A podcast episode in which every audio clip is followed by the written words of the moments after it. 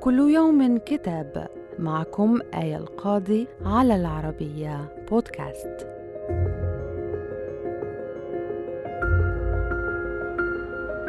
نتناول اليوم كتاب الجسد وأنثروبولوجيا الإفراط للكاتب المغربي عبد الصمد الكباص المختص في قضايا الفكر والفلسفة.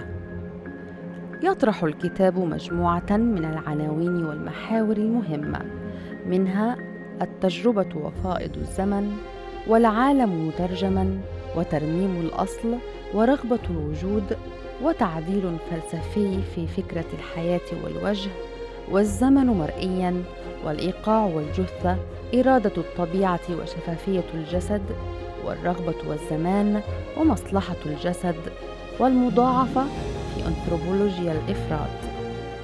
وتبدو الكلمة التي اختارها المؤلف لظهر غلاف الكتاب مفتاحية للمحور الفكري الرئيسي الذي يتناوله الكتاب. ومنها إن الجسد هو مجال يعين الحياة في وضعها الحميم بالنسبة للإنسان. هو المكان الاستثنائي الذي لا يمكن فيه للوجود أن يكون سوى تجربة خاصة ومنها ينبثق فعل التفلسف. إنه المكان الذي تتحول فيه الحياة إلى رغبة في المفهوم والمفهوم إلى حياة.